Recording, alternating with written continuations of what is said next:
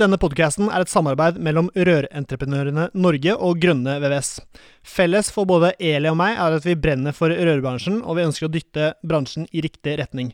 Men dette får vi selvfølgelig ikke til alene, vi trenger flere. Du kan bidra med å abonnere på podkasten, skrive en omtale i iTunes og dele denne med folk eh, du er glad i. Da setter vi i gang med ukens episode.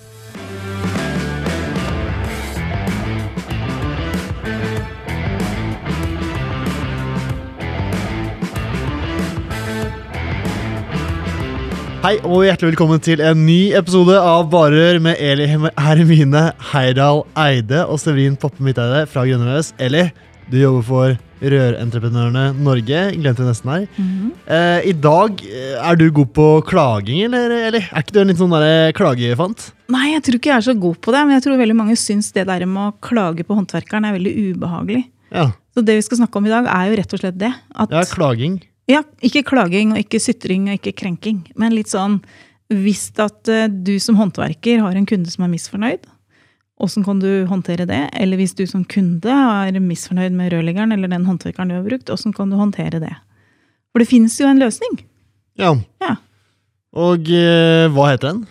Den heter Håndverkerklagenemnda. Ja, Og, og hvem eh, bør man snakke med hvis man skal finne ut mer om den, eller? Da må man snakke med Trond i Rør-Norge. Ja. ja. Eller så kan man hanke inn Ja, og så kan man hanke inn Martin i som også sitter i håndverkernevnda på vegne av bedriftene. Martin Rynning. Stemmer. Mm. Og eh, med andre ord, vi har begge her i dag. Mm. I dag er da temaet um, Håndverkerklagenemnda. Eh, og eh, Trond, aller først, velkommen. Og kan ikke du fortelle litt om eh, nemnda og hvordan dette funker? Hvordan hvordan jeg som ikke vet noe om denne nemnda, hva, hva er liksom det grunnleggende jeg må, må lære meg? Ja, du kan starte med å gå inn på vår hjemmeside. Der ligger det ganske mye informasjon i forhold til vilkårene for å kunne klage. Eh, nemnda er en, eh, en forbrukerklagenemnd, hvor du kan klage på håndverkeren hvis du ikke er fornøyd med jobben som er gjort hjemme hos deg, enten det er privatbolig eller hytta di. Eh, det er gratis. Så det koster ingenting å få prøvd en sak for eh, klagenemnda. Og vi har skriftlig behandling, eh, slik at alt går eh, skriftlig gjennom eh, mailkorrespondanse. Og så er vi ganske raske også. Vi skal normalt bruke inntil 90 dager fra vi får en klage inn til vi har avgjort klagen. Så det går ikke mange mange måneder. det gjør det ikke. Så sitter flinke folk der også. Vi har med fagfolk. Vi har også noen jurister her. sånn at det er godt kompetente folk som kan vurdere en klage i forhold til det som er tematikken. Mm. Men det er en ting som er viktig. da, å Huske at det heter Forbrukerklagenemnda. sånn at Dette gjelder kun klage på ting som du som har ut, fått utført som privatperson. ikke sant? Det gjelder kun forbrukere, som da kan klage som forbruker. Vi har en del klagesaker som kommer fra borettslag, samme jeg også. De må vi avvise, for det er da ikke forbrukere sånn sett i forhold til større saker derfra. Mm. Har de en egen uh... Det har de ikke. Det har de ikke. Nei. Så det er, sånn, jeg kan si at det er jo forbrukervernet i Norge som står veldig sterkt innenfor mange områder. og Dette er en av de ordningene som man har for å ivareta deres interesser opp mot håndverkeren. Hva er det som oftest blir eh, klagd på, og hvem, hvilken håndverker er det som oftest blir eh, klagd på? Nå har vi jo med flere bransjeforeninger i klagenemnda. Vi har med elektrikerne og rørleggerne med. Og så har vi også EBA, som har de større entreprenørbedriftene. Så har vi med anleggsgartnerne, og så har vi med invitasjon og blikk også. Mm. Og så På andre sida har vi da huseierne, som da skal passe på forbrukerens interesser i det her. Mm. Kan vi si det ganske rett ut at De fleste klagene går på elektro- og rørklager. Det er det store flertallet vi har eh, til behandling. Det er jo også de største fagene, da. Største fagene, Og mm. kanskje også de mest kompliserte sånn i forhold til mm. utførelse. Mm. Og uh, ja, hvilke, hvilke, hvilke, problemer er det oftest man får inn? Nei, Det er noen tema som går igjen. Det går på det her med tidsforbruk. Det var en sånn gjenganger i forhold til ja, Hvor mye tid man bruker man i forhold til ja, timer Mm. Eh, hvor man har slakka sammen, og så har man en forbruker som da syns det blir veldig dyrt. i forhold til tidsforbruket. Mm. Timepris på lærlinger er vel en Eller timepris, hvis ikke det er avtalt? Ja, Det går mer på det med hva inngår et oppdrag. Det her med kjøretid har vi hatt noen saker på. Altså, mm. Noen tror at man bare betaler for eh, håndverkeren når han er hjemme hos deg i stua di, mm. men det er ikke helt riktig. Mm. Og det her er også med avtaler. Hva har vi egentlig avtalt? Mye går muntlig på telefon. Og så etterpå sånn, ja, men hva var egentlig hva det vi ble enige om før vi starta oppdraget. Mm. Så Det er det sånn kjernepunktet her som jeg i hvert fall erfarer at de er litt gjentagende. Mm. Det høres ut som du har lært litt om rør, da, Trond? Siden du begynte Ja, jeg har jo lært mye om rør. Jeg er jo bare advokat og jurist, så jeg har jo ikke, hadde ikke noen greie på det her. Men jeg har jo lært utrolig mye underveis i forhold til å selge rørfaget. Det er jo Martin som er kompetent da, i forhold til å spille inn der. Er- Ja, Martin Rønning fra Harry Martinsen. Eh, er du daglig leder, eller hva er posisjonen din der? Ja, jeg er egentlig ikke daglig leder mer. Jeg var daglig leder her, i, i, jeg var daglig leder her i 30 år, men eh, nå er jeg egentlig faglig leder. Nettopp. ja, ja, så ja, jeg har ikke noe mer tittel enn det. Jeg kaller meg rørleggermester. Ja. Ja. Og eh, hvordan eh, altså, Bruker dere for dere noe forhold til eh, klagenemnda gjennom det å være um, Altså gjennom bedriften, eller er det bare at du har den stillingen du har i, i klagenemnda? Ja, Det at jeg kom inn i klagenemnda, det var en eh, eh, Jeg kom inn i sentralstyret i Rørentreprenørene i 2013. Og så ble den håndverkerklagenemnda vi har i dag, den ble etablert med avtale med huseierne i 2014. Eh, og da ønsket man å ha en representant fra, som kunne liksom faget til å være i, med i, i håndverkerklagenemnda. Og det er som Trond sier, den består jo av egentlig en nøytral leder. Som har, eh, og han var tidligere eh, lagdommer, han Peter eh, Meyer. Nå er han blitt, så, blitt så, såpass voksen, han er nærmest pensjonert, men han kan faktisk være formann en liten stund til, tror jeg. Ja. Og så er det da to representanter fra huseierne, og de er advokater. Den ene er, stor- jobber vel i huseierne, og så har de en ekstern advokat i et firma som liksom representerer eh, forbrukeren.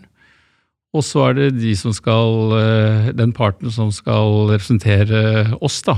Som når det gjelder rørsaker, så har det, var det Tor Bakke når vi starta opp, og nå er det Trond som har tatt over den delen, som er også eh, jurist. da.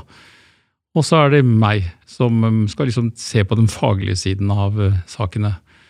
Og det er veldig interessant. jeg må si Det er veldig lærerikt for en eh, håndverker å snakke med det juridiske. Altså, men jeg tror det er veldig bra at, at man har en nevn som, som også ser problemstillingen fra en håndverkers side.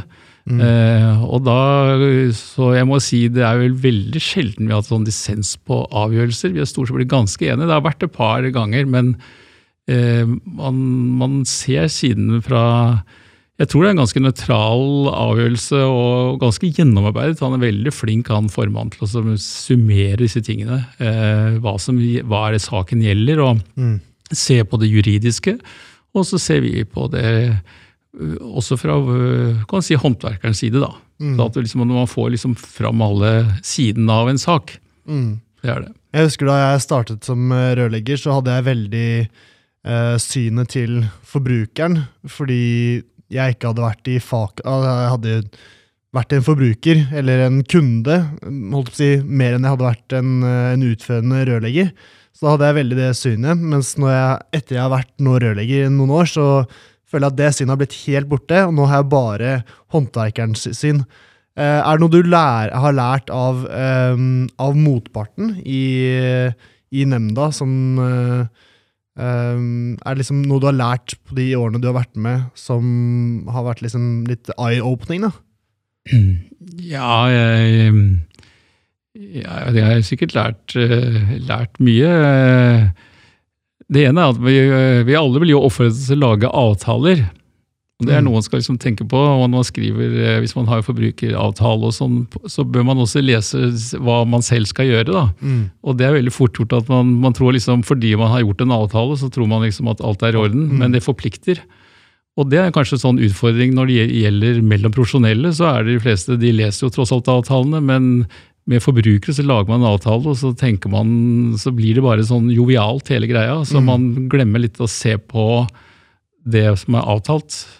Og det skal man liksom, tenke litt på at det, det er forpliktelser begge veier. Ja. Forbrukeren glemmer veldig fort sine forpliktelser, og så tenker man at fordi forbrukeren glemmer sine forpliktelser, så går det ganske greit at jeg dropper det også.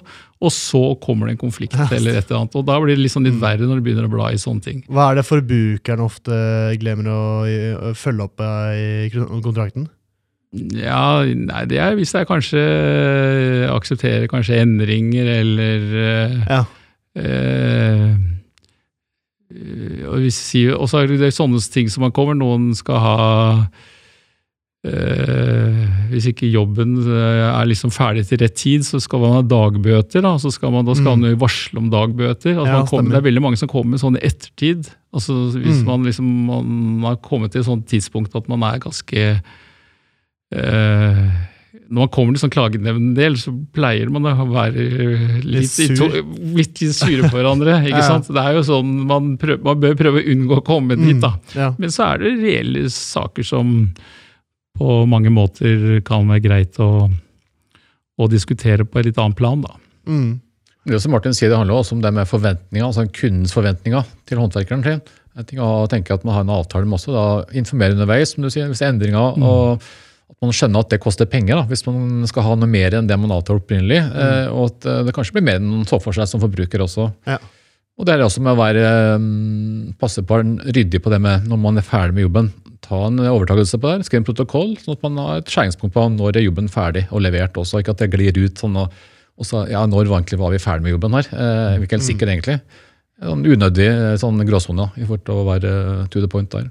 Mm. Men nå hører jeg at eh, det legges til grunn som at det er en selvfølge at det skrives en avtale på alle oppdrag som blir utført. Nei, det gjør det absolutt ikke. Som regel er det, som regel, som regel, som regel er det en mangelfull eh, at det er skrevet en avtale. Ja, og, og det- og hva, det- og det- konsekvens har det, da? Det er det vi fram til. Ja, men det, men det spiller ingen rolle om du har en avtale hvis ikke du har forståelse for hva avtalen innebærer. Og det er, det, er det hvis man lager, Jeg vet ikke om hvor, øh, Hvis man skriver et tilbud, så må man kanskje spesifisere hva det man egentlig skal levere det tilbudet. Og den diskusjonen mange ganger får, er at øh, ja, var ikke dette inkludert? Mm. Ikke sant? Og det er, har du vært man gjør ting, og Mm. dette er, dette er et tillegg. Eh, ja, men det kan ikke jeg forstå ut av det tilbudet Mm. du har gitt, at dette er et Ja. tillegg. Og det har liksom med hvordan du egentlig har skrevet, Mm. eller kanskje ordlagt det tilbudet. Og da spiller det ingen rolle om du har kontrakt fra eh, hva det er. Nei. Det er poenget at du, du, du skal levere et arbeid som dere var litt enige om. Mm. Men hva har man egentlig vært enige om? Ja, Hvis det ikke står noe sted, hva da? Ja, da er det Ja, da kan det fort bli Da er det konflikt. og da har man jo den veldig sånn, i hvert fall sånn små eller litt mindre saker, da, så er det sånn at man kanskje har fått et prisoverslag eh, over telefonen. Da, ikke sant? Ja, dette koster ca. 10 000 kroner. Og så underretter man ikke underveis at når en håndverkeren kommer dit, så er det jo egentlig ikke helt Det det var forespeila, nei. Nei. Og da, hvis du skal levere bilen din på reparasjon, så pleier man å si dessverre må jeg skifte kløtsjen din, det koster 18 000 kroner, vil du gjøre det eller ikke? Men rørleggeren han bare gjør det. han. Glemmer det, han. Og så kommer den regninga på 35 000 altså, og har gitt et prisoverslag på 10 000. Og så sier rørleggeren ja, du må jo skjønne det at det var litt mer. Ja, men jeg skjønte ikke at det ble tre og en halv gang så dyrt. Nei. Og der er det, har det vært noen eh, litt i den sjanger der, da. Men det er jo ofte det, er ofte det den jobben må gjøres. Det er ikke sånn at du kan bytte kløtsjen eller ikke kan bytte kløtsjen. Det er sånn Du at skal du, gi beskjed, da. du må for å komme videre. Det er en dyrere løsning du må gjøre fordi det er blitt endringer. da. Men endringsmeldinger de er blitt veldig eh, glad i det siste. For da, får, da gir du jo kunden et, eh, et, et bilde av pris som oppdaterer seg hele tiden som det blir endringer. Og da vet jo de hele tiden at ja, ok, dette blir en eh, 18 000 kroner mer fordi, fordi vi måtte legge rør der istedenfor. Og, så- og så har de en oversikt over det. Men da må, må man jo bare gidde å sende ut den endringsmeldingen hele tiden. Å sende en e-post, da, det er så enkelt som det egentlig. Ha det rutine på det. Det er ikke veldig vanskelig egentlig i dagens verden. Å passe på at kunden får den før jobben blir gjort, eh, ikke etterpå. For da er som du sier, da blir jeg fort litt sånn ja, men det så ikke jeg komme som forbruker. Mm. Det sa ikke du fram på forhånd. Og da er jeg fort litt sånn Burde ikke da den profesjonelle gitt beskjed om det før man gikk på den eh, tilleggsjobben der også? Mm. For det er vel også et spørsmål. Ja. Altså Det er forskjell på en forbruker og den rørleggeren som er den såkalt profesjonelle parten, er det ikke det? forventer mer fra den profesjonelle. Han eh, skal på en måte ha orden i sysakerne. Og det med skriftlighet og punktlighet og den biten der, så kanskje litt sånn straffe hardere, da, hvis man ikke har fulgt opp ting der. Den forbrukeren forbruker kan ja, være litt mer sånn bare forvente at ting blir informert om. Vi har vel en sånn frarådningsplikt også. Du kan liksom, det å reparere, altså Deler til f.eks. toaletter er jo, dy, altså det er jo nesten dyrere innmaten enn å kjøpe nye. en helt nytt toalett. Ja. Og så hvis det da ender med at du skal liksom, ja, sier til kunden at ja, jeg, å, jeg kan reparere toalettet, Og at man kanskje ganske tidlig da sier, har noe valg på det. Og hvis- det da ender med at eh, det må jo kjøre fra leverandør eller grossist til grossist for å få tak i den delen, og så har du liksom brukt seks timer på å få tak i de delene. Og så kost- en så kost. Så koster det, og så har du liksom reparert en gammel toalett, Mm. og så er det dyrere enn å skifte den. Mm. Og det er jo det er en sånn Men det er ikke så lett alltid. Det er en vurderingssak. da. Eh, Mm. Men vi har en frarådningsplikt til å gjøre enkelte jobber. da. Men jeg er helt enig, det er litt lettere, hvis det- var kanskje dårlig sammenligning på en måte, men det er jo sammenlignbart, for alle tenker sånn at det, altså, i bilverksted de kan liksom gjøre det, men de kan sette den bilen til siden eller vente til neste dag. Vi er jo liksom allerede Vi Er liksom, vi har stengt vannet, vi, vet du. Og så pang, så er liksom eh, eh, ventilen, eh, stoppekrana i kjelleren funker ikke, og altså, alt liksom henger i hop. Mm. Og så baller det på seg. Stort sett så tror jeg de sakene går ganske, går ganske greit. Men også tror jeg vi har blitt Jeg tror hele rørbransjen har blitt mye flinkere. Det er, og det ser vi jo, det, det er jo de som er medlemmer av Rør-Norge. De, det er jo ikke så mange saker fra dem som det er fra alle de som ikke er det. Mm. Og de, de fleste henvendelser som man får fra regionskontorene, det er jo folk som ikke er medlemmer. Mm. De har ikke blitt opplært liksom til eh, hvordan man skal forholde seg til kanskje både avtaler og fakturaer og alle sånne ting. Jeg vet ikke. men Det er utfordringen med nemnda at vi har jo fort en 50 saker, eller klagesaker da, inn per år. Men mange av de må jo da avvise, for de er da mot ikke-medlemsbedrifter. Så om man da kan si at de ikke er like flinke, det klart være litt forsiktig med det. Men eh, det er i hvert fall en veldig sånn markant forskjell da, i forhold til eh, de få klagene som da går mot kallet våre medlemsbedrifter. Hva er det de ofte pleier, unnskyld. Hva er det de ofte pleier å klage på? Er det det også Tematikken er mye den samme. Nå er jo klart, nå får vi også klager fra det som går på vanlig håndverksbedrifter, altså snekkere som driver med oppussing, som ikke er rør og elektro, Ja. ikke tekniske fag. Det er mye i forhold til kalle ja, gråmarked. Så mye av det går på å bare avvise ting, dessverre. i måte Det kan vi ikke håndtere. Uh, men jeg tror, som Martin sier, at eh, ja, rør, elektro, altså de er flinkere. De har liksom kurset seg og lært liksom det nyttigheten av det å da være to the point her og skriftlighet når det er naturlig å gjøre det. Mm. Og ta kanskje også konflikter eller diskusjoner med kunden ganske kjapt. da. Ikke la det her eskalere og bli en sånn større sak enn nødvendig også. Mm. Og da løser man mye klart før det kommer til oss eventuelt. da. Men hvis Severin har en kunde som han åpenbart skjønner er misfornøyd, eh, kan en, han be den kunden og si at vet du hva, nå er du og jeg veldig uenige her. Eh, Jeg har et tips til deg. Jeg er medlem i Rørentreprenørene Norge. Og alle vi bedriftene som er der, vi har, en hånd, vi har tilgang til å bruke en håndverkerklagenemnd. sånn at det, det du kan gjøre, er å sende inn det at vi er misfornøyd, til håndverkerklagenemnda. Så får du en vurdering gjort av folk som sitter på din side som forbruker, og det sitter advokater der, og så er det noen som vurderer det faglig hvis det er noen mm. faglige spørsmål. Den er fin. Ikke sant? Er ikke det bra, Severin? At du Mm. har muligheten For jeg tenker, jeg oppfatter mange av de, eller alle de jeg møter som driver rørleggerbedrift, at man har et veldig sånn Det er mye omsorg for kunden, og det er mye sånn Folk ønsker å yte god service. Mm. Og jeg tenker at eh, hvis du kan klare å behandle en kunde som er misfornøyd med den jobben du har utført, på en sånn måte at de liksom Ok, det kan hende de ikke fikk rett til slutt, men du har klart å veilede dem sånn at de føler seg ivaretatt, da. Mm.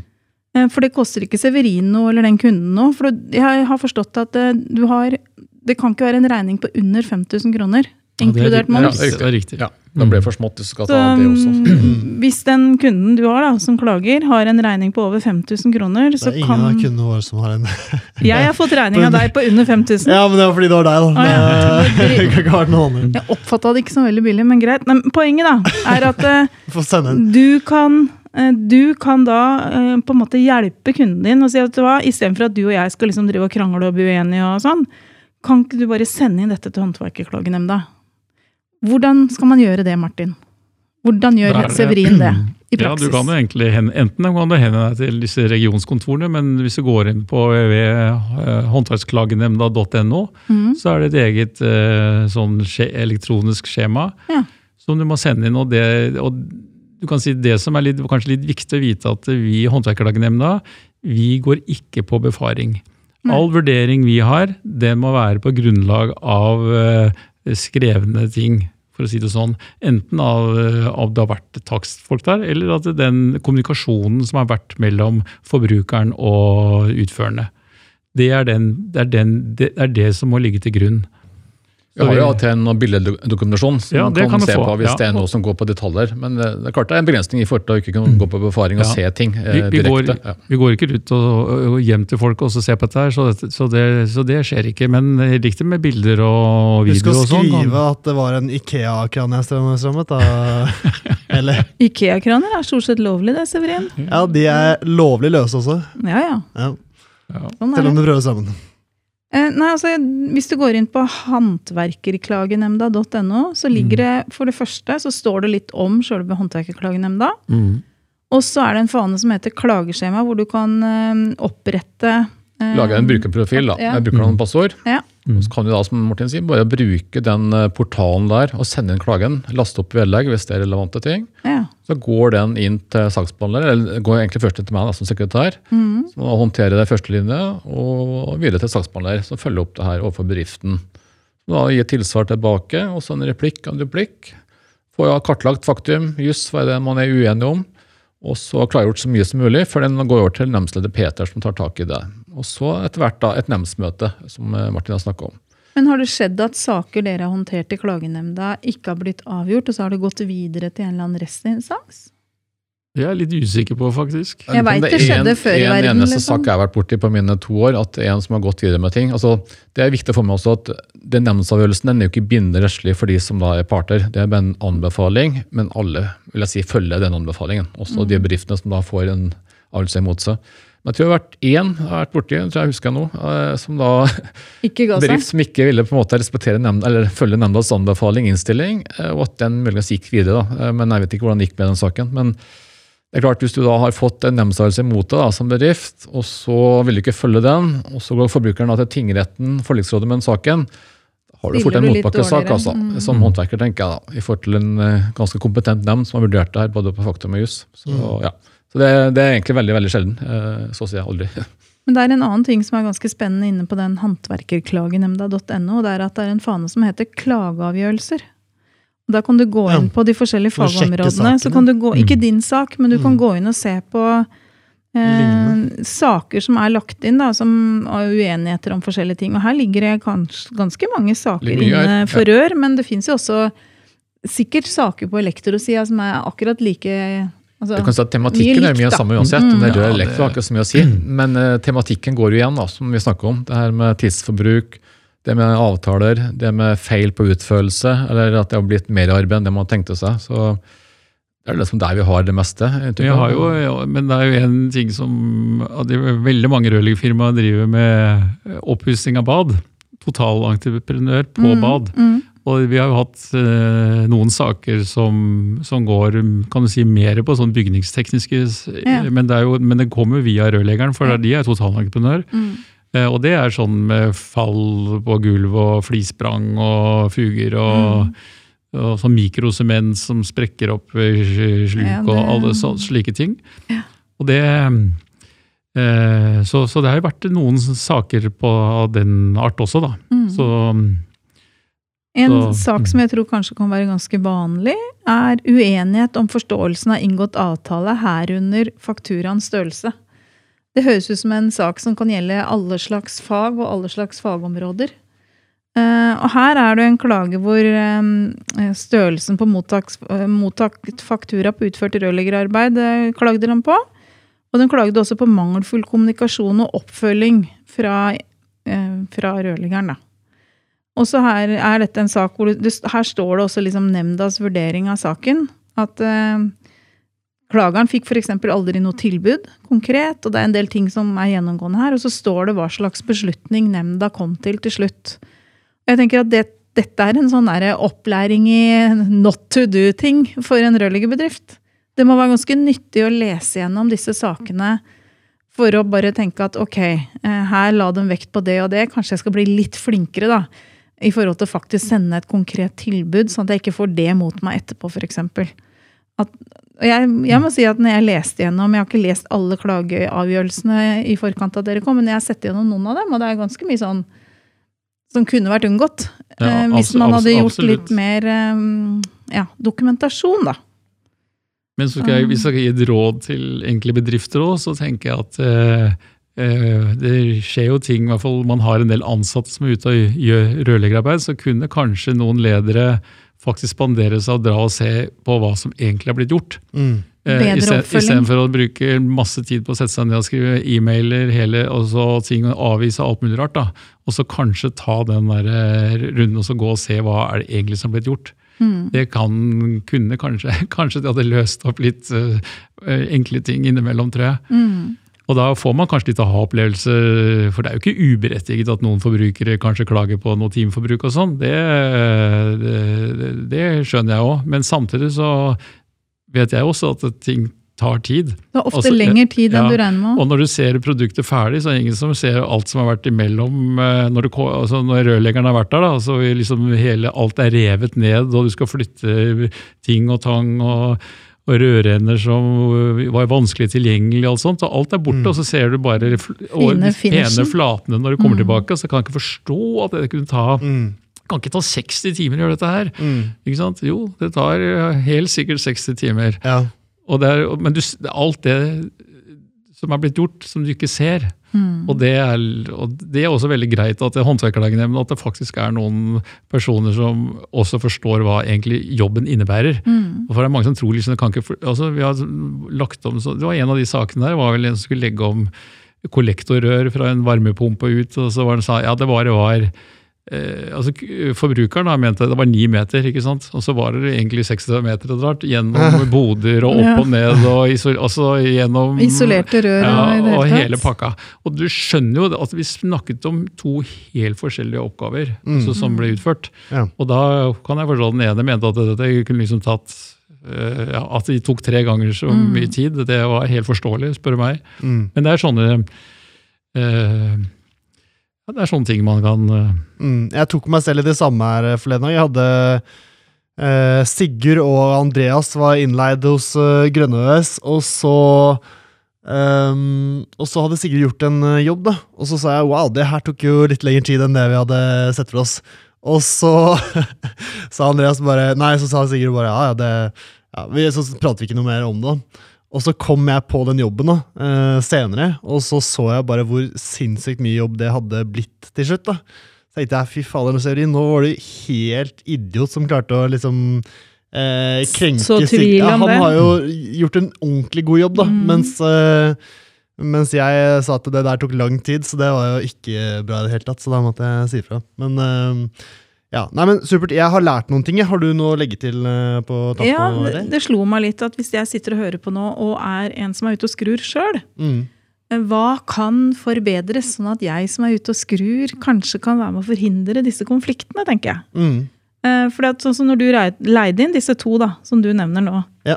Eh, var du f.eks. flink til å snakke med dem i forkant om at du, den jobben her har jeg sett for meg at dere kommer til å bruke ca. 30 timer på hver av dere? Mm. Var det noe som ble nevnt?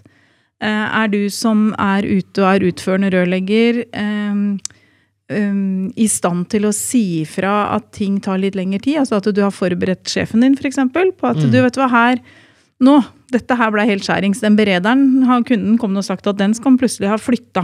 Mm. Og så er det jo ikke bare å flytte den. Her må jeg gjøre sånn og sånn og sånn. Og dette kommer til å ta, til å ta fire timer ekstra, liksom. Hva Mm. gjør vi nå, Severin, liksom? Mm. da, hvis du hadde hatt folk som var så forberedt på at dette får en konsekvens for regningen, at de sa fra til deg, så kunne jo du forhindre en katastrofe i andre enden, tenker jeg da. Mm. Og Det er bra du nevner, for jeg har, lært, jeg har lagd en liten uh, Severins læreliste etter dagens uh, episode så langt. Allerede? Allerede. Faen, du er effektiv, ass! Ja, det går unna. Og jeg har da fire punkter, og dette er det jeg har kommet opp med. Hvis jeg trenger å bli rett på, så er det bare å fyre løs. Nummer én, lag konkrete kontrakter og send endringsmelding, aka god kommunikasjon under prosjektet. Så hvis det blir endringer i pris, ting må gjøres om, Mm. så send endringsmelding og ha god kommunikasjon med kunden, så de vet hvor, hvordan kostnadene blir. Da kan du føye til 'og med dine ansatte'. At, de, Og med dine ansatte. ikke sant? For at hvis de ansatte ikke er klar over denne, dette vi snakker om nå, Mm. så hjelper ikke at du er aldri så god på å sende e- eh, endringsmeldinger hvis du aldri får varsel om at det er en endring. Stemmer. Nummer en. to, Mm.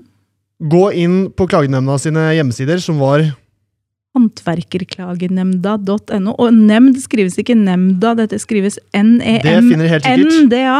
Nemnda. Og sjekke opp saker som ligger der allerede. eh, For å kanskje kunne lære litt om hvordan kunder, eller hva de vanligvis klager på. Da. Så du har et bilde om hva som, altså hvor det er størst risiko for å gjøre drite seg ut. Og for å sukre det litt mer, da, det er der punkt to på lista di, så kan du da sortere på fagområdet. Du kan gå inn og se på masse forskjellige rørleggersaker som har vært gitt. Eller du kan sortere på type klage. Altså om det er mangelfull utøvelse, prisavslag, tidsforbruk, forsinkelse eller uenighet om avtalens innhold. Mm. Nummer tre, bruke det nemnda om man kommer i en konflikt. Eh, så trenger ikke du å bruke like mye tid på det. Bruker ikke tid på å sende mailer frem og tilbake. Du kan bare sette litt av jobben bort til nemnda, rett og slett. Jeg tenker rett og slett at det er en medlemsfordel du har, ja, man er medlem i Rør-Norge. At du faktisk kan nesten outsource en nøytral håndtering av klagen din for å hjelpe kunden din. eh, Sånn at det, det kan hende du taper, men det kan hende du har en mye mer fornøyd kunde etterpå, for han har blitt tatt seriøst på klagen sin. Mm. Tenker at Det gir en trygghet for kunden. da, At man ser at den bedriften da faktisk er medlem i forhold til klagenemnda. Tenker at ok, Det er et stempel som handler om eh, faglig dyktighet og seriøsitet. eh, tenker jeg da. Men Mm. hvorfor altså Egentlig, Severin, så burde jo du brukt dette her i markedsføring når du skal selge inn din jobb. Når du skal Mm. selge inn grønne VVS. Mm. Og du, når du selger inn uh, Harry Martinsen, så kunne du bare sagt at vet du hva, det er veldig trygt å bruke vår bedrift. fordi at hvis vi, mot all formodning, jeg håper ikke det skulle skje, skulle bli uenige om noe i etterkant, så har jeg tilgang til en nøytral klagenemnd som kan hjelpe deg, sånn at dette blir en mest mulig rettferdig klagehåndtering. Var ikke det Ja. vakkert? Ja, nei, jeg syns det hørtes litt uh... Altså, Du tror at alle kundene dine tror du aldri kommer til å bli enig med deg? Nei, men uh, Nei, jeg vet ikke. Jeg ville kanskje ikke brukt det. Men uansett, punkt fire, som Martin la det til på slutten. Eh, har det skjedd noe, må leder sjekke hva som egentlig har blitt gjort. Sånn at eh, igjen, det ikke blir masse mailer frem og tilbake på et grunnlag som eh, leder eller daglig leder eller den som har ansvaret, faktisk ikke Altså, de har ikke vært der og sett hva som faktisk har skjedd, da. Så det er fire punkter. Mm. Har vi noe vi vil eh, legge til eh, på lista? Jeg vet ikke, Hvis du har en avtale hvor man har en eh, dato det skal være ferdig, så skal man få tenke på at hvis det blir masse tilleggsarbeid underveis, så vil man huske på å si at det, da krever det forlenget tidsfrist. Mm. At man ikke bare liksom Ja, det koster det, det koster det, og så er det ingen som snakker om at eh, faktisk jobben har blitt større. Bra. Det kan være liksom noe man kan tenke litt på hvis man har sånn eh, badet skal være ferdig, og så blir det eh, Og spesielt i dag, da, hvor vi er eh, mange produkter har fått ganske lang leveringstid. Og da er det kanskje greit å opplyse det tidlig at uh, usikkerhet om ting Altså jeg skal være ferdig uh, nå liksom 15. februar, og så har jeg ikke, egentlig ikke eh, ja, det, er, det ser ut som det er noen dusjvegger som kommer til å bruke litt lengre tid. og sånn, At man på en måte Varsler ganske tidlig. altså. ja, og tar forbehold, kanskje allerede litt i starten på sånne Mm. ting. At det, det kan få rydde unna en del ja, ja, Slik at det er litt deiligere å være rørlegger og slippe å ha eh, at, skjønner at kunden forstår eh, Mm. at, eh, at de kan vente litt, og det vil de akseptere. Mm. Problemet er når det liksom er fed up og alt dette her. Da er liksom Mm. alt har kommet i en sånn litt feil spor. Da. Ja. Så det, det vil jeg vil anbefale. Men Trond, hvordan gjør du den varslinga enklest? Er det bare å sende en mail? Er det god Ja, nok altså. dokumentasjon? Det er ikke noen formelle krav til en varsling, men det er jo poenget at du må ha det skriftlig. og Kunne bevise etterpå at det har gitt beskjed om ting til kunden din. Enten det går på mer arbeid eller mer tid. Mm. Så, men ja, Har man gode rutiner på sånt, i forhold til som jeg har sagt, her, endringsvarsel, så bruk jo gjerne det i bedriften. altså Det er god på skinna. Og har det liggende på saken også på den kunden. eh, Det er viktig. Men sånn dokumentasjon og FTV-er og sånn har jo liksom også dratt seg opp i de senere årene, vil jeg si. da. Også det, alt fra der boligmappa og slike ting. Men jeg tenker hvis man også dokumenterer underveis hva som blir gjort, så kan det spørsmålet komme som du nevner, at ja, det var en bereder i, som måtte flyttes hit og dit og sånne ting. Så, så, så når hvis klagen kommer, da, og man har faktisk en god dokumentasjon på hva som har blitt gjort, Mm. og, det er, og det har jo rørleggerbedrifter blitt mye flinkere til. Eh, ved at man registrerer kanskje jobbene, flinkere til å ta bilder. Jeg Ta bilder for å lukke vegger og- bil- bilder, altså du, du kan skrive, så det er, Bilder forteller veldig mye. Mm. Og hvis, du, hvis folk venner seg til å kunne skrive en liten tekst til bildet, så man skjønner hva egentlig bildet er relevant til, Mm. Så, og, og man vet jo når bildet blir sendt inn og sånn, hvis man bruker i hvert fall i administrasjonssystemet mange har i dag, så kan man liksom se hvilken dag var det, når var det. Så- det? Og, det? og alle de tingene her, det tror jeg det hjelper alle bedriftene til å, å ha litt mer styring på hva som har foregått, og kan dokumentere på at det er grunner for at ting ble dyrere eller Mm. ble tid og sånne ting. Mm. Så ja. Det er viktig. Dokumentasjon. Det er en gjentagende tematikk, og enda mer nå i forhold til endring i avhengighetsloven også, så det er jo enda mer fokus på det. Med Mm. FDV og DDV og ja, gjør ting riktig der også, i forhold til at uh, man får det man skal ha som kunde. Mm. Så hvis noen lurer på hva slags skills en du skal ansette som rørlegger eller rørleggerlærling bør ha, så er vel det der å ha, eh, være så strukturert at du klarer å dokumentere arbeidet ditt kanskje vel så viktig som det å skru snart. For det at det er så avgjørende, og det blir så dyrt hvis du ikke gjør det. Absolutt. Så, mm. Men vi har liksom kanskje litt å lære av elektrikeren nå. Altså, vi, vi skal liksom ikke ta oss betalt for det. Se når elektrikeren mm. setter opp en, eh, en mm. tavle, så står, sitter han med en sånn liten notepad og, og, og, og det er nesten en time, og så skriver den alt sammen. Mens vi bare forsvinner, og så kan ikke, skjønner ikke ja, det, det tar litt tid å lage en FTV òg. Rørleggeren skal kanskje komplettere deler. Og, og det er en del arbeid som ikke kundene ser. Mm. og, og det er altså, vi- og du si Noen greier å synliggjøre det, mens, uh, men det er i hvert fall greit at man på en måte får at man har do, dokumentert ting. Altså. Det, er, jeg tror det er, blitt, det er blitt veldig viktig. Eh, Men nå har vi fått verktøy som gjør det mulig òg. Det, liksom, det har jo skjedd eh, det er, altså, Smarttelefon var ingen som visste hva det var for eh, 15 år siden. Altså, det er jo Verden har, ver, verden har forflyttet seg, og det gjelder sånne endringer og sånn. Det går an å sende en SMS eller en mail ganske lett. da. Så det er eh, så ting Så vi må bare venne oss til å kanskje bruke de eh, mulighetene vi også har, da. Mm. Så ganske enkelt. Følge med. Ja. Følge med, følge med. Ja, men strålende. Da er vi egentlig gjennom en episode. Nå veit du hva Håndverkerklagenemnda er, Sjefrin. Du Ja. visste ikke det før vi begynte. Nei, det gjorde jeg ikke. Nå, nå har jeg en snøring. Mm. Men jeg tenkte um, Martin Rønning har jo tatt seg turen hit, og han jobber jo for uh, Harry Martinsen. Og Harry Martinsen er jo et legendarisk uh, firma på, på Frogner i Oslo. Uh, gammelt firma, så kunne ikke det tatt to sekunder å fortelle lytterne om eh, hva, hva driver dere med, og hvor lenge har dere holdt på? Litt sånn eh, småsnacks. Ja, vi, ja, vi holder til i Frogner bydel, men vi, vi, kaller, jeg er egentlig på Majorstuen. da. Ja, nettopp. Vi er, ja, vi er en ganske gammel bedrift. Vi, vi blir 100 år neste år. Oi. Ja. Så det ble etablert i 1923. Så ble det, og da var det et egentlig personlig selskap. Så var det egentlig min bestefar, morfar. Han het Harry Martinsen. Eh, Og, han, og da het fi- firmaet Martinsen og Forsmann. Og han Forsmann der, det var, han, han var onkel til han som var Andersen Andersen og Forsmann. Forsmann, Så det var litt eh, eh, Og de startet egentlig i Hansens gate, nede på Rusløkka. Og så flyttet de eh, i slutten av 30-tallet, eller da hadde vel de gått fra hverandre, så da het det bare Harry Martinsen. Så før krigen så flyttet de opp til Majorstuen, i Hammerstadgata. Og der er, eller gaten heter det. Der er vi, holder vi til ennå. Hvor stor er bedriften? Ja. vi, er, vi, er, vi er ikke så veldig mange, vi er 11 stykker Mm. nå. Vi har stort sett vært rundt 13. Sånn, i hvert fall den perioden eh, som jeg har jobbet, da har vi vært omtrent eh, og, og du kan si hva er det vi driver med? Ja, vi, eh, alle, alle, tenker at man skal liksom være spesialist på noe. Men eh, ja, det, det som er kanskje vår spesialitet, at vi jobber veldig bredt, men ikke så stort volum. Ja, så vi, vi driver liksom med alt. Mm. Sånn, eh, ja, vi driver med eh, veldig bredt, da, det vil jeg Mm. si. Men det har litt med at vi holder til der vi gjør. Vi har eh, altså Bare be- bebyggelsen rundt oss er jo fra 1880-90-tallet og til i dag. Eh, og så vi, så vi har hatt mye ja, varme og sprinkler og Mm. isvann og kjøling. Og så har vi drevet også litt med eh, De siste årene nå så har vi drevet med en del husbygging òg, faktisk. Mm. Det har vi gjort. Så I og med at dere er plassert midt i Oslo, så blir jo fort spesialiteten deres også området. Altså kundene i, i området, og boligblokkene i området osv.?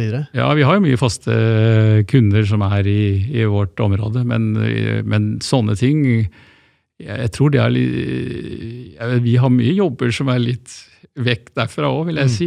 Ja. Så vi har mye i Bærum og Asker. Og, ja, vi har til og med på jobb på Jaren, hvor vi har, vi har hatt sånn, eh, en entreprenør som bygger ut eh, boliger der. da. Og så, så vi har hatt jobber på Harestua, Jaren og Ja. Maura og sånn òg. Men saken er at de rørleggerne våre de bor jo ikke i Hammerstadgaten. Nei, stemmer. Nei. Så de blir så, blir så det er kortere, kortere vei Ja. til en del jobber. Ærlig. Så det eneste som er lang vei for, det er sånn som for meg, da. ja, Altså, du som bor i og- byen. Ja, som skal dra oss og se på det. Men de Ja. har faktisk kortere vei, og de, altså, det er jo bare parkeringer og alt mulig. Det er jo ikke- det er ikke bare bare å drive i, i, i sentrum, da. Innafor Ring 2. Men dere er også lærlinger, ikke sant? Vi er også lærlinger, ja. Mhm. ja. Så det har vært, jo- vi har alltid, liksom, alltid hatt eh, Det har liksom vært den beste måten å kanskje få arbeidskraft på, da. Og det kommer i hvert fall til å bli enda viktigere i framtida, tror jeg. Mm. Og skal du ha skal du få flinke folk på en måte, som kanskje kjenner kulturen og alt mulig sånn, så så må du ha noen lærlinger. Og Mm. alle blir jo ikke, men noen, noen kommer og noen går, og noen kommer tilbake. Mm. Ja. Så det er jo eh, Det er kvalitetsstempel. det er kvalitetsstempel, Mm. men jeg skjønner at det, det er ikke alle som Jeg må jo bare innrømme at det er veldig mange som har jobbet hos oss som, som selvfølgelig tar en teknisk faglig utdannelse. Og det er jo ofte det er jo det som er litt sånn hemskoen hvis ikke du er en stor bedrift. Det er liksom ikke noen sånn pyramide i, i, i litt gjennomsnitt rørleggerbedriften. Mm. Så er det ikke så veldig Det er liksom ikke plass til eh, alle som kanskje går med sånn videreutdannelse. Mm. Men samtidig vil jeg bare si at det, man skal være klar over at rørleggerfaget er veldig komplisert. Har blitt veldig komplisert. Jeg tror ikke folk skjønner hvor komplisert det egentlig er. Mm. Og jeg mener at du, eh, altså skal du drive sånn noenlunde fornuftig rørlegger, så bør du i hvert fall ha en eh, faglig teknisk uh, utdannelse. Altså. Mm. Og, det, og jeg, jeg forstår egentlig ikke at hvis man, som, hvis man er, har vanlig svennebrev og skal starte å drive og gjøre jobb i denne byen her, det, det fatter jeg egentlig ikke. Da må det være i hvert fall veldig enkle oppgaver. de holder på med. Risikosport er det noen som har sagt til meg. Ja, at det er. jeg, så, men det er en digresjon, da. Mm. Ja. Men, men jeg må si, men faget vårt har blitt veldig bredt. Det har blitt veldig mye automatikk, mye elektronikk. Det er eh, systemer, ganske kompliserte systemer.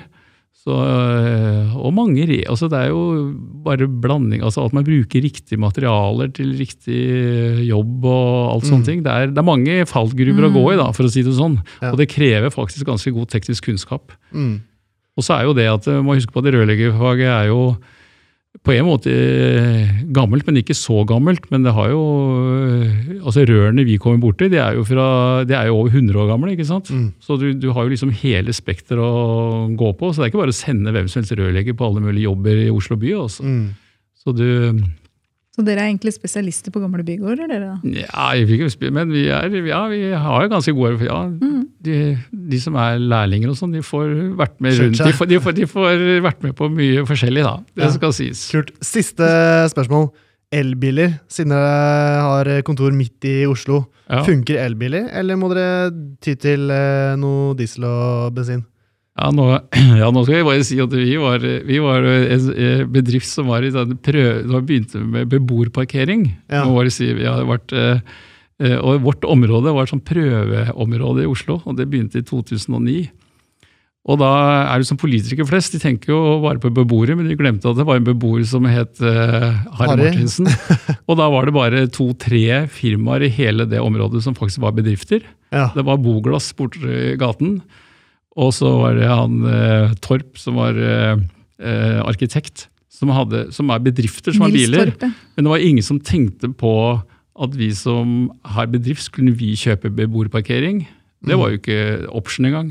Så det kjempa vi. Brukte vel syv-åtte år. Du og kona di vært Ja, veldig aktive. Ja, som har holdt på fælt med, med de tingene. Mm. Så kjøpte vi vår første elbil i 2015.